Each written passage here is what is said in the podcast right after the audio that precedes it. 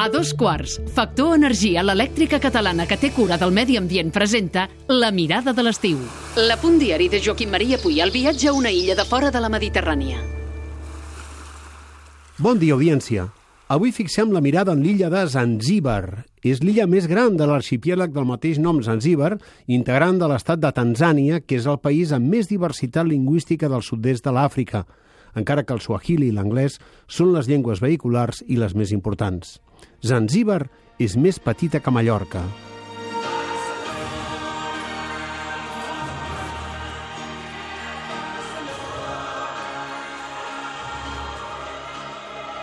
Estem escoltant Barcelona, interpretada abans d'aquell inoblidable 1992 per Montserrat Cavaller i Freddie Mercury.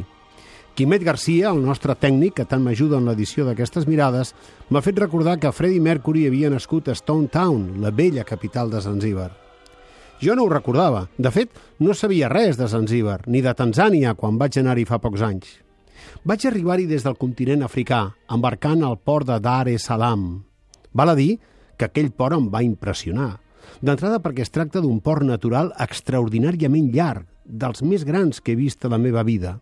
A continuació, perquè és un dels ports comercials més importants de l'oceà Índic.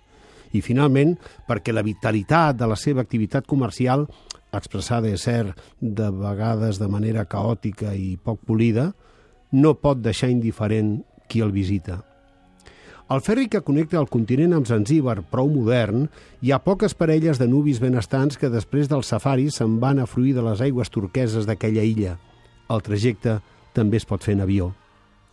El que més em va interessar de Zanzíbar va ser la petjada encara viva del tràfic d'esclaus. Aquesta vergonyosa activitat, durant anys i segles, va tenir en Stone Town un punt de referència imprescindible perquè va ser pas obligat de milers i milers de persones que eren venudes als negrers i que després, d'una llarga i difícil travessia, serien explotades en condicions infrahumanes al continent americà. Encara ara, qui vagi a l'illa trobarà restes dels espais d'aquells viacrucis indignes. Alguns, a prop dels petits carrerons de la ciutat vella, que és un espai molt divers fruit de la influència multicultural que hi ha hagut.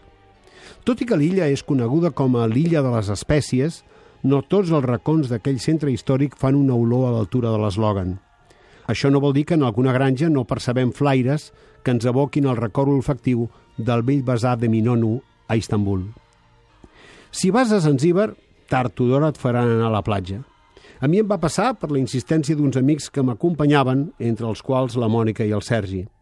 Ell i jo vam començar a passejar per la platja de la costa est i al cap d'una bona estona vam veure un home que pescava.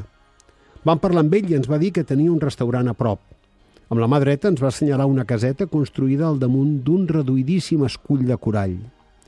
Tan reduïda era la roca que la casa l'ocupava tota sencera.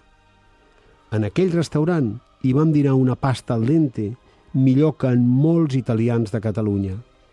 I en acabar, l'amo ens va deixar fer una migdiada, obligatòria després dels vins europeus que havíem consumit. La cosa va ser que ja al vespre, quan vam voler tornar, la marea havia pujat i col·locar la cadira del Sergi en una petita embarcació que a rem ens havia de portar a la costa va ser també una petita odissea. Una odissea viscuda de gust, perquè aquell dia, amb els amics a la caseta de l'escull, va ser inoblidable.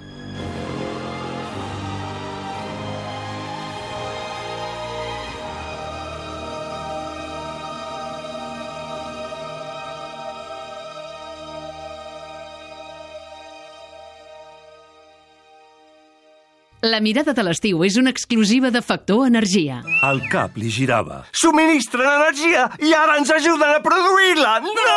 Doncs sí, i es diu autoconsum. Instal·lació, finançament i autoconsum compartit. Comunitats de veïns, unifamiliars i empreses. Benvinguts a la revolució energètica. Factorenergia.cat Per fi hi ha un altre llum.